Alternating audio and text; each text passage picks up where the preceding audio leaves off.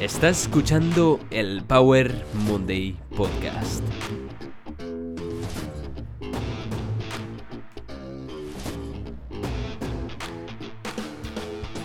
Bienvenidos a Power Monday Podcast, soy Pau, persona de fitness, motivación y ciencia. El abuso de tabaco y alcohol son las primeras causas de pérdida de años de salud en el mundo, y el tabaco es el primer causante de muerte en el mundo prevenible.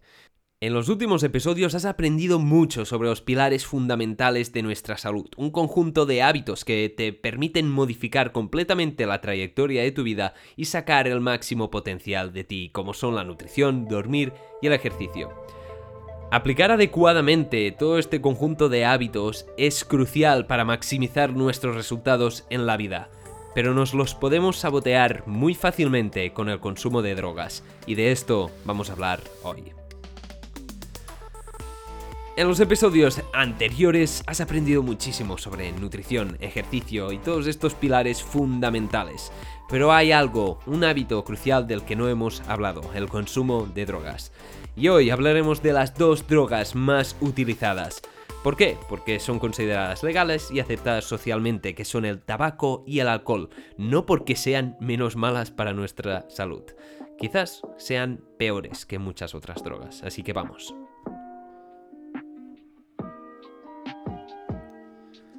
Como siempre, vamos a empezar con estadísticas importantes y impactantes. En este episodio, como te decía, me voy a centrar en el tabaco y el alcohol. Y si te interesa que hable de las otras drogas, como las drogas psicodélicas o la marihuana, déjamelo en los comentarios o envíame un mensaje. Que por cierto, soy farmacéutico y he estudiado mucha droga. Así que vamos a empezar. 2,3 millones de personas mueren cada año por el consumo de alcohol, es decir, 2,8% de las muertes en el mundo. El consumo de alcohol causa un aumento del riesgo de padecer más de 200 enfermedades distintas derivadas de su consumo, incluyendo enfermedades hepáticas y cardiovasculares. Quizás pienses que el consumo de alcohol solo afecta a los alcohólicos, pues bien, el 65% de la población entre 15 y 65 años consume alcohol y un 10% de la población mundial lo consume a diario.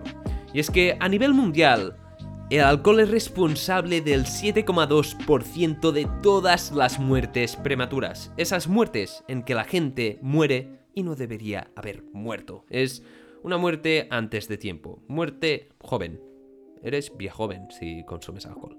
Lo más importante del alcohol es que es la droga que produce mayor daño a terceros, es decir, causa mucho daño a las personas que no lo consumen, siendo responsable de más del 30% de accidentes de tráfico, accidentes laborales y situaciones de violencia física. Es el principal responsable de todo esto. Y básicamente, cuanto más bebes, menos vives y peor vives. Quizás ahora va a salir alguien diciendo, eh, que el vino es muy bueno para la salud. Pues bien, lo que ven los estudios es que si bien el vino podría ser protector en cuanto a enfermedad cardiovascular siempre que se consume una dosis muy baja, este sigue aumentando riesgo de padecer otras enfermedades y terminar siendo alcohólico. Por lo tanto, no existe un consumo seguro o mm, responsable de alcohol, ya que si por algo destaca el ser humano es por no conocer sus límites y beber en moderación es uno de ellos. Así que a nivel de salud pública lo que podemos decir es que no existe un nivel muy seguro de consumo de alcohol y si hay uno es como mucho una, una copa de vino al día. Este es el nivel máximo que podemos tolerar en cuanto a salud pública. Y recuerda que hay muchas más bebidas que no llevan alcohol que están buenas. Así que ahora vamos a por el tabaco. El tabaco. Para empezar, los fumadores inhalan más de 4.700 compuestos químicos que aumentan el riesgo de cáncer en todas las partes del cuerpo, sin excepción. El tabaco causa cáncer en todo el cuerpo.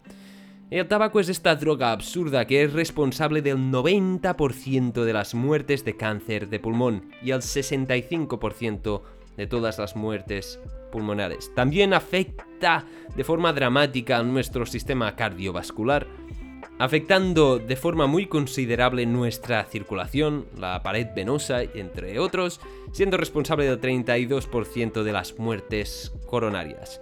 Este humo, el humo del tabaco, contiene la misma cantidad de toxinas que posteriormente pueden ser inhaladas de forma pasiva. Así pues, el tabaco mata más de 900.000 no fumadores a nivel mundial.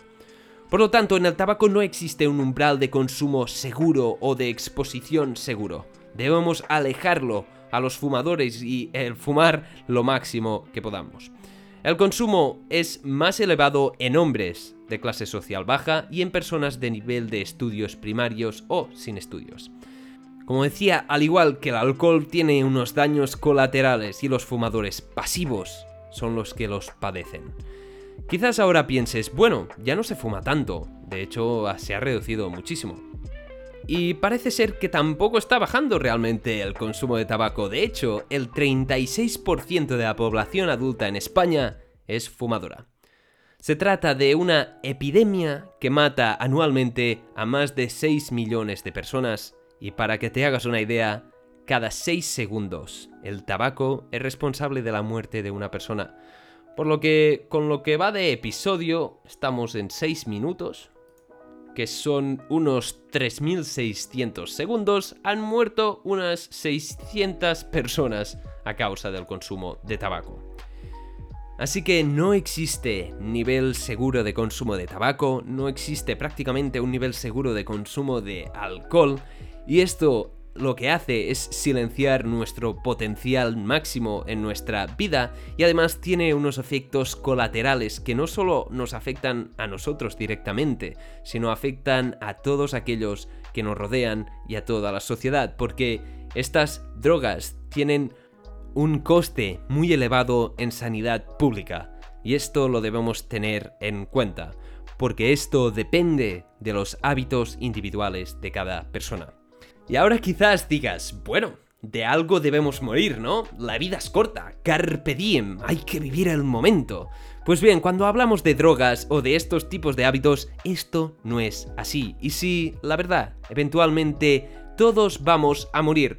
Pero, créeme, si quieres morir de alguna cosa, morir de cáncer de pulmón, enfisema o cirrosis hepática son las tres muertes horribles y hay mejores formas de morir. El problema principal es que si quieres morir de algo, decide una muerte que no afecte a tu vida y a la vida de los demás.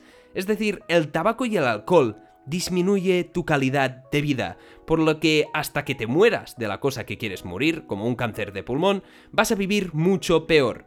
Y como eventualmente todos moriremos, habrá alguien que habrá vivido mejor y habrá alguien que habrá vivido peor. Lo que en realidad estás decidiendo cuando consumes drogas no es una manera de morir, sino una manera de vivir mal. Estás escogiendo vivir peor hasta el día que llegue tu muerte. Esta es tu elección. En mi opinión, prefiero vivir bien, vivir en paz, libre de dolor, con mayor rendimiento físico y mental, menos ansiedad, menos depresión, hasta que llegue ese día poder vivir mi vida al máximo, estar presente y poder estar agradecido de estar vivo, no vivir con una enfermedad crónica que no me deja vivir el momento, con ansiedad, depresión y todos los problemas que se asocian con este consumo de estas drogas. Escoge cómo quieres vivir y recuerda pensar en el largo plazo.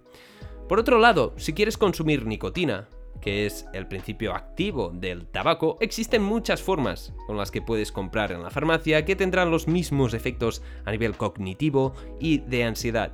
Y en el alcohol, por parte del alcohol, no te recomiendo que consumas más de una UP, de una ración al día. Entonces el botellón también está contraindicado, amigos. Hay muchas formas de pasarlo bien sin sacrificar tu salud a largo plazo, y esto es crucial. Así que ahora que ya te he metido todo el miedo en el cuerpo, vamos a hablar un poco de consumo recreacional de drogas en general, aparte de estas dos. Y sí, vamos a hablar un poco de consumo responsable, pero debemos entender los principios básicos de toxicología y farmacología. Y este viene a mano, el primer principio básico viene gracias a Paracelso, considerado el padre de la medicina, que hace más de 500 años propuso esta frase, este principio. Todas las cosas son venenosas y nada es sin veneno. Solo la dosis hace que una cosa sea o no sea venenosa.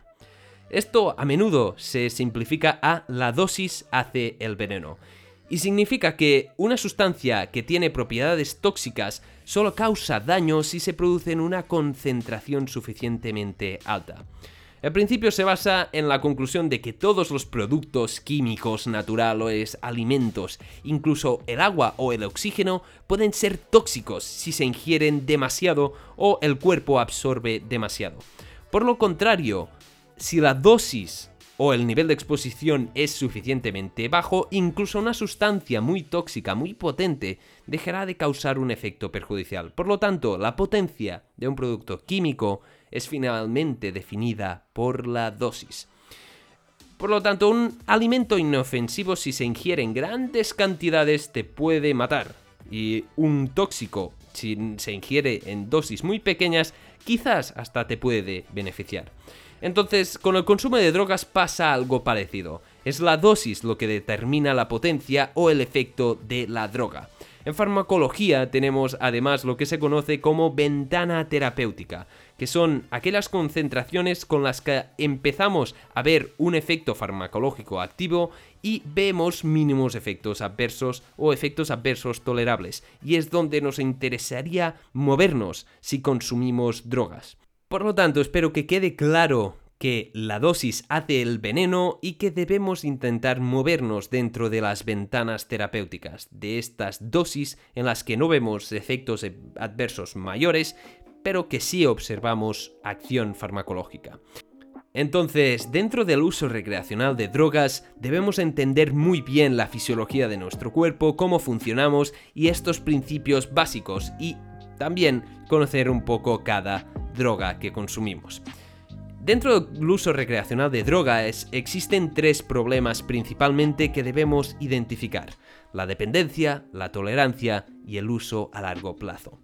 En primer lugar, por su mecanismo de acción, muchas drogas generan lo que se conoce como tolerancia, que básicamente significa que para conseguir los mismos efectos psicotropos o de subidón necesitamos cada vez más dosis.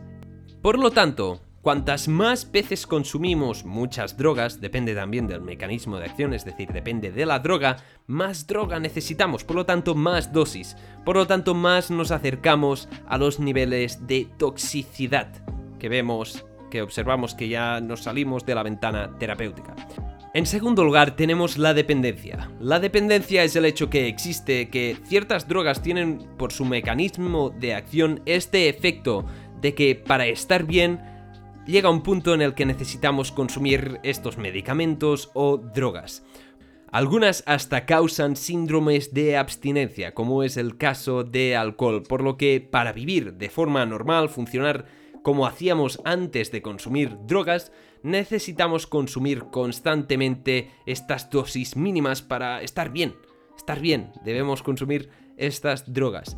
Esto nos lleva al consumo a largo plazo, que es el tercer problema de las drogas, pero es importante entender que existe gente más predispuesta genéticamente a volverse adicto, es decir, a generar dependencia a ciertas sustancias. Más o menos un 10% de la población tiene un riesgo fuerte, una fuerte inclinación a volverse adicto a ciertas sustancias. Así que debemos ir con cuidado con este consumo para no caer dentro de la adicción y la dependencia que nos que nos obliga a consumir básicamente drogas a largo plazo. Y el tercer problema, el consumo a largo plazo, significa que el uso de drogas pasa a ser un hábito y no algo esporádico, lo que se traduce en un aumento del riesgo de mortalidad y pérdida de años de salud de prácticamente todas las enfermedades también. Básicamente altera nuestra trayectoria vital y tiene un efecto exponencial negativo que se magnifica con el tiempo, terminamos viviendo peor, menos tiempo y de menor calidad, y esto es lo que no nos interesa. Por lo tanto, es importante entender estos principios. La dosis hace el veneno, las drogas pueden generar dependencia, tolerancia y su efecto negativo se magnifica con el uso a largo plazo. Hay otra cosa que quiero destacar. Los jóvenes, aquellas personas que están en la edad de la adolescencia, no deberían para nada consumir ningún tipo de droga. ¿Por qué? Porque los adolescentes están en una etapa en que su cerebro es muy plástico, están en una etapa de desarrollo neuronal y el consumo de drogas puede cambiar de forma radical su trayectoria, son muy susceptibles a padecer problemas relacionados con el consumo de drogas. Por eso se hace esta campaña tan intensiva en adolescentes, ¿vale? Y recuerda, si eres adolescente ya tendrás tiempo en tu vida de consumir drogas de forma segura cuando tu sistema biológico esté más bien establecido, no como ahora que si eres adolescente te estás desarrollando. Y no solo los adolescentes, hasta 25 años no se recomienda el consumo de ningún tipo de drogas. Bueno, no se recomienda por lo general en ninguna edad, pero especialmente en estas edades jóvenes, porque nos daña mucho más que en edades avanzadas. Entonces estos son los cuatro principios básicos que quiero que te queden claros respecto al consumo de drogas y que entiendas que un consumo no adecuado de drogas silencia tu potencial, tu potencial individual, te hace vivir una vida de menor calidad y además afecta a todos aquellos que te rodean. Por otro lado, existen muchos tipos de drogas. No todas las drogas son iguales y no todo el consumo es igual. Y debemos entender que es un mundo muy amplio y he tratado de resumirte lo más importante en este pequeño podcast. Así que trata de sacar el mayor grado de información posible para aplicarlo en tu vida. Si te interesa que hable más de drogas, de drogas psicodélicas como la psilocibina, como si quieres que te hable de la marihuana, Déjamelo en los comentarios y podemos comentar sus futuras o posibles aplicaciones terapéuticas, su efecto o consumo recreacional, su seguridad y sus efectos a largo plazo. Y es que mi consejo sería que si consumes drogas, por favor infórmate en sitios adecuados, coméntaselo a tu farmacéutico o médico. Debemos romper el estigma, porque al fin y al cabo, si consumes, sé consciente de lo que estás a punto de hacer. No hagas las cosas al tuntún porque pueden modificar completamente tu trayectoria. Y aunque a veces las drogas podrían modificar tu trayectoria hacia una buena dirección, en general lo que hacen es modificar tu trayectoria de salud. Y eso sí que no nos interesa. Así que esto es todo por este episodio. Recuerda que el consumo de tabaco y alcohol, estas dos drogas aceptadas socialmente y legalizadas, no es seguro y afecta radicalmente no solo a tu salud y a tu potencial individual, sino a la salud de todos aquellos que te rodean. Este tipo de hábitos debemos considerarlos también como uno de los pilares más importantes de nuestra salud, ya que podemos tener muy bien todos los pilares fundamentales, pero si consumes tabaco y vives muy bien, vas a vivir peor. Entonces, esto es todo por este episodio. Recuerda, si te ha gustado, por favor, dale un me gusta, déjale un like, dame un follow, comentario, lo que puedas o lo que quieras, te lo voy a agradecer muchísimo. Te deseo una semana muy épica, llena de conocimiento, de presencia, de gratitud y de felicidad en esta vida. Nos vemos en el próximo episodio.